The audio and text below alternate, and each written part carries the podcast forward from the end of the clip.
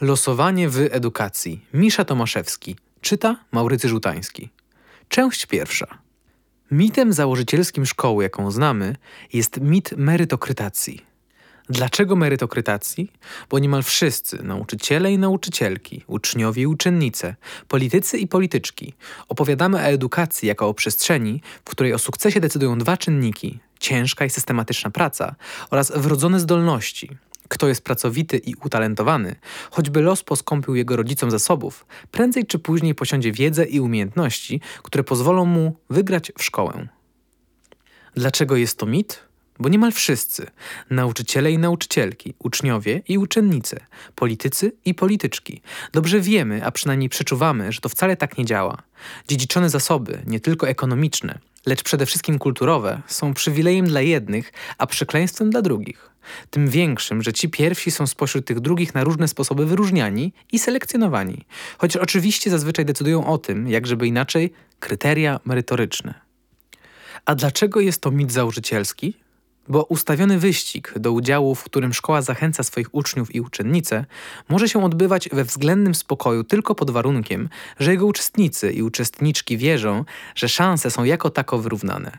Krótko mówiąc, szkoła może realizować w praktyce zasadę pierwsi będą pierwszymi, o ile niemal wszyscy, nauczyciele i nauczycielki, uczniowie i uczennice, politycy i polityczki, powtarzamy jak mantrę, że edukacyjne sukcesy i porażki są w pełni zasłużone. Mit merytokrytacji jest wszechogarniający, ale w naszej codziennej pracy nauczycielskiej możemy go na różne sposoby hakować. Jednym z lepszych takich sposobów wydaje mi się losowanie. Nie chodzi tylko o to, że nie ma nic bardziej obcego merytokratycznej kulturze kompetencji, lecz także o to, że być może wbrew naszym intuicjom, losowania rozwiązują szereg problemów, z którymi szkolna merytokrytacja nie tylko sobie nie radzi, lecz które generuje ona poprzez swoje nadmierne zaufanie do wiedzy i do talentu. Troska o najsłabszych. Niemal wszyscy aktorzy i aktorki sytuacji edukacyjnej podzielają przekonanie, że poziomowanie grup ze względu na umiejętności uczniów i uczennic jest praktyką mającą głęboki sens. Załóżmy, nieco na wyrost, że nie chodzi po prostu o selekcję osób o największej wiedzy i najwyższych kompetencjach do jakiegoś elitarnego zespołu, lecz że komuś naprawdę zależy na skutecznym adresowaniu odmiennych potrzeb edukacyjnych. Przecież słabsi uczniowie i uczennice nie tylko spowalniają naukę bardziej zaawansowanych kolegów i koleżanek, lecz także będą się frustrować zbyt szybkim, jak na ich możliwości, tempem omawiania kolejnych zagadnień. Na własne uszy słyszałem wielokrotnie, jak nauczyciele motywowali decyzję o poziomowaniu grup interesem najsłabszych. Problemy z tą wewnątrz szkolną selekcją są przynajmniej dwa. O pierwszym opowiedział mi socjolog Przemysław Sadura – Przynajmniej od lat 60., to znaczy od badań Jamesa Colemana, które były później wielokrotnie powtarzane, wiemy, że jest inaczej.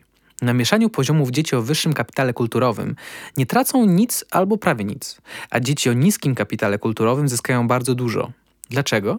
Ponieważ, jak tłumaczy Sadura, duża część procesu uczenia się zachodzi poprzez peer learning, czyli uczenie się od siebie nawzajem. Peer learning dotyczy jednak nie tylko dzieci o różnym pochodzeniu klasowym, które coraz rzadziej spotykają się w polskich szkołach, lecz także dzieci o różnych kompetencjach intelektualnych, społecznych i emocjonalnych. Tłumaczy to związane ze Szkołą Edukacji nauczyciel Aleksander Pawlicki. Dzieląc uczniów na grupy, uruchamiamy tylko jedno kryterium, na przykład znajomość języka angielskiego. Ale przecież na lekcjach angielskiego dzieci uczą się dużo więcej. Mówi się niekiedy o uczniach i uczennicach, którzy są podwójnie wyjątkowi. Chodzi o osoby o bardzo dużych zdolnościach poznawczych, ale bardzo słabych kompetencjach społecznych. W zależności od tego, czego chce się uczyć na lekcji, oni powinni znajdować się w różnych grupach.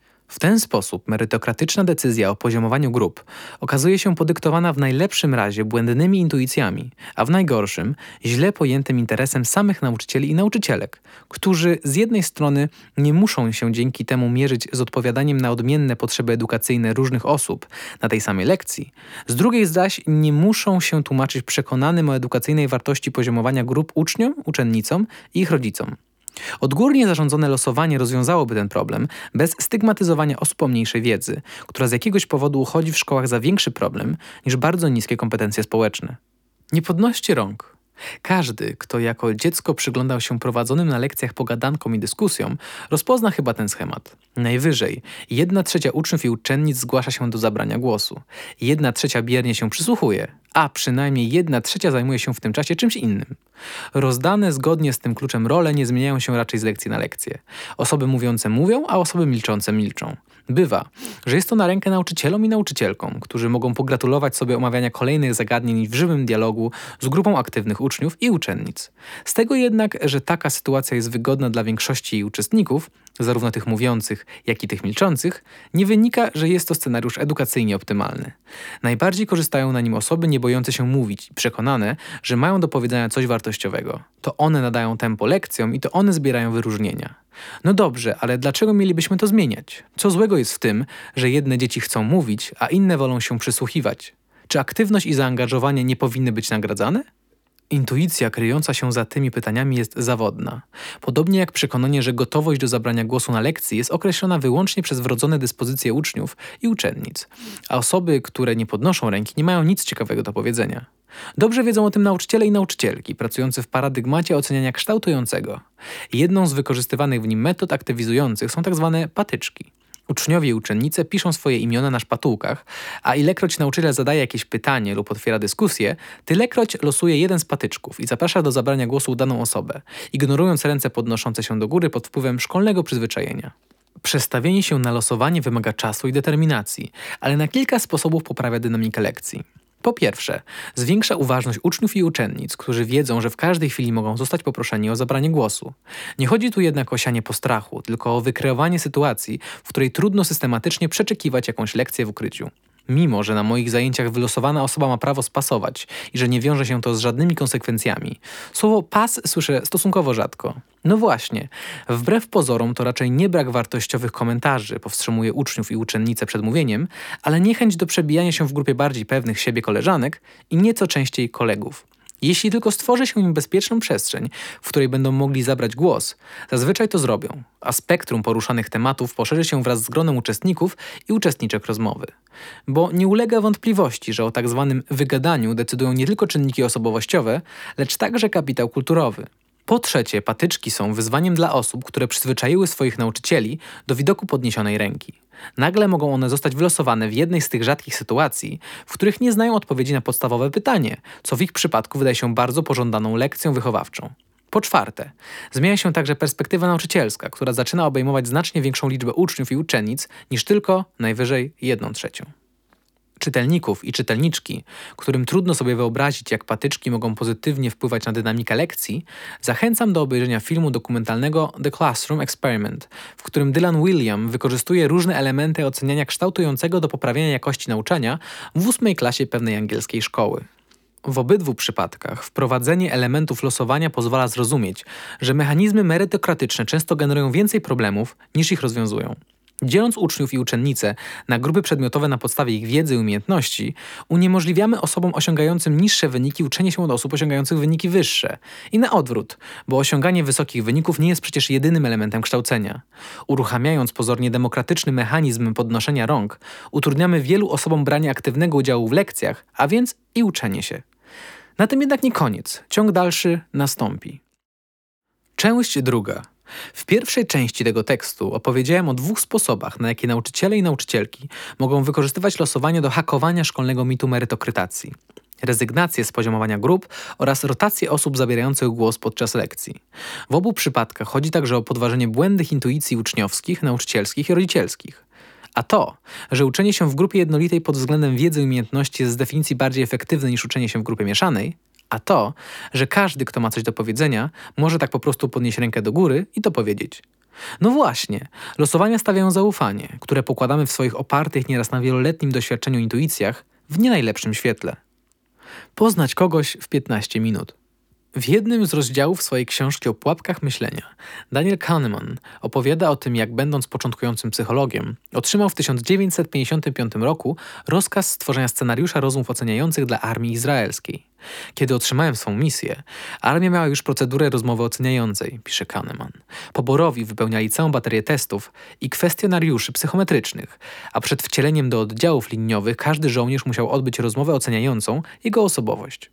Problem polegał na tym, że kolejne ewaluacje wykazywały całkowitą bezużyteczność rozmowy, która dotyczyła ogólnych tematów i przynajmniej w założeniu pozwalała zorientować się ogólnie, jak dany rekrut poradzi sobie w wojsku. Krótko mówiąc, nie było związku między potencjałem żołnierza prognozowanym przez osoby prowadzące takie rozmowy, a wynikami później przez niego uzyskiwanymi. Kahneman znalazł sposób na rozwiązanie tego problemu, ale tylko taki, dzięki któremu, jak sam po latach podsumowuje, od metody kompletnie bezużytecznej doszliśmy do umiarkowanie przydatnej. Dlaczego? Najkrótsza odpowiedź na to pytanie byłaby chyba taka, że im większą dowolność w prowadzeniu rozmów miały osoby prowadzące i im bardziej w swoich ocenach mogły one polegać na swoich intuicjach, w tym większą liczbę pułapek psychologicznych wpadały. Wspominam o tym, ponieważ zbyt długo sam prowadzę ustne egzaminy wstępne do szkoły, w której pracuję, by nie dostrzegać podobieństwa między tymi dwoma typami rozmów. Nasze rozmowy także dotyczą ogólnych tematów i także, przynajmniej w założeniu, pozwalają zorientować się ogólnie, jak dany uczeń lub dana uczennica poradzi sobie w szkole. Niezależnie od Kahnemana, wpadliśmy co prawda na ten sam pomysł podzielenia naszych ocen na kategorie związane z konkretnymi informacjami na temat życia kandydata, ale miejsca na swobodę w zadawaniu pytań i interpretowaniu odpowiedzi nie brakuje. Nie muszę dodawać, że jako doświadczeni nauczyciele i nauczycielki mamy do swoich wychowawczych intuicji spore zaufanie. Moja pewność siebie zmalała, kiedy zacząłem porównywać swoje przewidywania, to znaczy punktowe oceny wraz z komentarzami spisywanymi podczas egzaminów wstępnych, z późniejszą wiedzą na temat danego ucznia lub danej uczennicy. Myliłem się często i to w obydwie strony. W końcu bycie dobrym kandydatem lub kandydatką do szkoły jest czymś zupełnie innym niż dobre wypadanie na ustnych egzaminach wstępnych. Po co je więc prowadzić? Prowadzimy rozmowy kwalifikacyjne do szkoły, bo jako przyszli wychowawcy chcemy mieć wpływ na to, kogo do niej przyjmujemy. Eksperckiej oceny oczekują od nas wszyscy: nasi przełożeni, nasi koledzy, a także kandydaci i kandydatki oraz ich rodzice. Poświęcamy więc na to weekend, nie licząc długiej sesji przygotowań, co generuje koszty dla wszystkich. Nie tylko ekonomiczne, ktoś musi za to zapłacić, lecz także emocjonalne. Kandydaci stresują się tym, czy dobrze w krótkiej rozmowie wypadną, a my tym, czy w krótkim czasie dobrze ich ocenimy. Pracujemy nad alternatywnym scenariuszem tej części egzaminu, ale zachodzę w głowę, czy nie byłoby dla wszystkich lepiej, gdybyśmy spośród kandydatów i kandydatek, którzy zdali egzamin pisemny, a w rozmowach nie wzbudzili w nas większego niepokoju, po prostu wylosowali osoby przyjęte do szkoły. W moich uszach nie brzmi to może najbardziej satysfakcjonująco, ale mimo wszystko brzmi uczciwie, bo jako nauczyciele przynajmniej byśmy nie udawali, że potrafimy ocenić coś, co naszej ocenie się wymyka. Trzy prawa Concreta jako uczeń nie pomyślałem nigdy o tym, że mógłbym kandydować do Rady Samorządu Klasowego, ani tym bardziej szkolnego. Znajdowało się to daleko poza moją strefą komfortu i nie mam tu na myśli pełnienia funkcji przedstawicielskiej, lecz sam udział w procesie wyborczym. Zimny pot oblewał mnie na myśl o zgłoszeniu swojej kandydatury, publicznym dokonywaniu autoprezentacji lub pozyskiwaniu zwolenników. Kiedy jako początkujący wychowawca zacząłem obserwować to wszystko z bezpiecznego dystansu, zwróciło moją uwagę, jak niewielka grupa osób jest nie tyle nawet wybierana, ile wybieralna do uczniowskich ciał przedstawicielskich. Cóż jednak dziwnego albo cóż złego w tym, że osoby, które mają liderskie predyspozycje, są obsadzane w rolach liderów? Pierwsza refleksja przyszła po rozmowie z Anną Dzierżgowską, nauczycielką pracującą w liceum, którego patronem jest Jacek Kuroń. W naszej szkole co jakiś czas odbywają się wiece. Wiece są prowadzone przez aktyw, który kiedyś był wybierany, a od pewnego momentu zaczął być losowany. I to jest świetne, bo ktoś, kto sam z siebie nigdy by się do tej roli nie zgłosił, staje przed grupą rozwrzeszczanych ludzi i rozkwita. Uczy się w ten sposób, jak wiele może zrobić w zupełnie nowej dla siebie roli, w którą został wcielony. Trochę bezmyślnie zapytałem, co się dzieje, jeśli ta wylosowana osoba nie jest w stanie udźwignąć swojej roli. Ma prawo się wycofać, usłyszałem w odpowiedzi, ale praktyka pokazuje, że to się dzieje o wiele rzadziej niż byśmy się spodziewały. Dzisiaj sam jestem o tym przekonany, a tych, którzy nie chcą wierzyć mi na słowo, zachęcam do odsłuchania jednego z odcinków podcastu Malcolma Gladwella, poświęconego właśnie losowaniu reprezentacji uczniowskich. Jego bohaterem jest Adam Concrete, który wspiera reformę samorządności uczniowskiej w Boliwii. Na podstawie jego doświadczeń Gladwell formułuje trzy prawa. Pierwsze, zastąpienie plebiscytu losowaniem prowadzi do zwiększenia liczby osób chętnych do zaangażowania się w samorządność, ponieważ jego warunkiem nie jest już prowadzenie kampanii wyborczych. Jak słusznie zauważa Gladwell, running an office nie jest tym samym co running for an office, a obydwie te czynności wymagają odmiennych kompetencji i predyspozycji. Samorządy uczniowskie bardzo skorzystałyby na tym, gdyby ich przedstawiciele przestali bawić się w polityków. Drugie prawo Concreta głosi, że dzięki losowaniu do ciał przedstawicielskich trafiają znacznie bardziej zróżnicowane grupy uczniów i uczennic, którzy mają odmienne doświadczenia, a w związku z tym podejmują problemy dotyczące większej części społeczności uczniowskiej. Dla osób przywiązanych do klasycznych mechanizmów wyborczych jest także prawo trzecie. Wbrew temu, co może nam się wydawać, jako ludzie jesteśmy bardzo słabi w dokonywaniu prognoz i przewidywań. Na długo przed Kahnemanem dobrze rozumieli to starożytni Ateńczycy, którzy, chociaż znali przecież mechanizm głosowania, obsadzali niemal wszystkie urzędy publiczne na drodze losowań. Losowanie zwiększa partycypację uczniowską, demokratyzuje reprezentację oraz chroni uczniów i uczennice przed zawodnością ich własnej intuicji. Zarazem jednak, jak trafnie zauważa Gladwell, budzi ono duży opór, ponieważ lubimy myśleć o swoich wyborach jako o przemyślanych decyzjach, a o osobach, które wybieramy, jako o wskazanych ze względu na swoje predyspozycje i zasługi. Czy jednak to, jak myśleć lubimy, przemawia do nas bardziej niż doświadczenie Adama Concreta i ruchu Democracy in Practice? Kiedy próbuję sobie przypomnieć losowania, które znam ze swojego doświadczenia szkolnego, do głowy przychodzi mi chyba tylko szczęśliwy numerek, który na zasadzie wyjątku od reguły zwalniał z pisania kartkówek i bycia wyrywanym do odpowiedzi. Jeśli wyobrazimy sobie szkołę jako wielką machinę merytokratyczną, to losowanie było w niej nic nieznaczącym trybikiem, który nie zazębiał się z żadną inną częścią systemu szkolnego. A przecież mogłoby być. Szkolna merytokracja często bywa niesprawiedliwa społecznie i nieefektywna edukacyjnie. Dobrze jest wiedzieć, że jako nauczyciele i nauczycielki mamy narzędzia, przy pomocy których możemy ją tu i ówdzie hakować.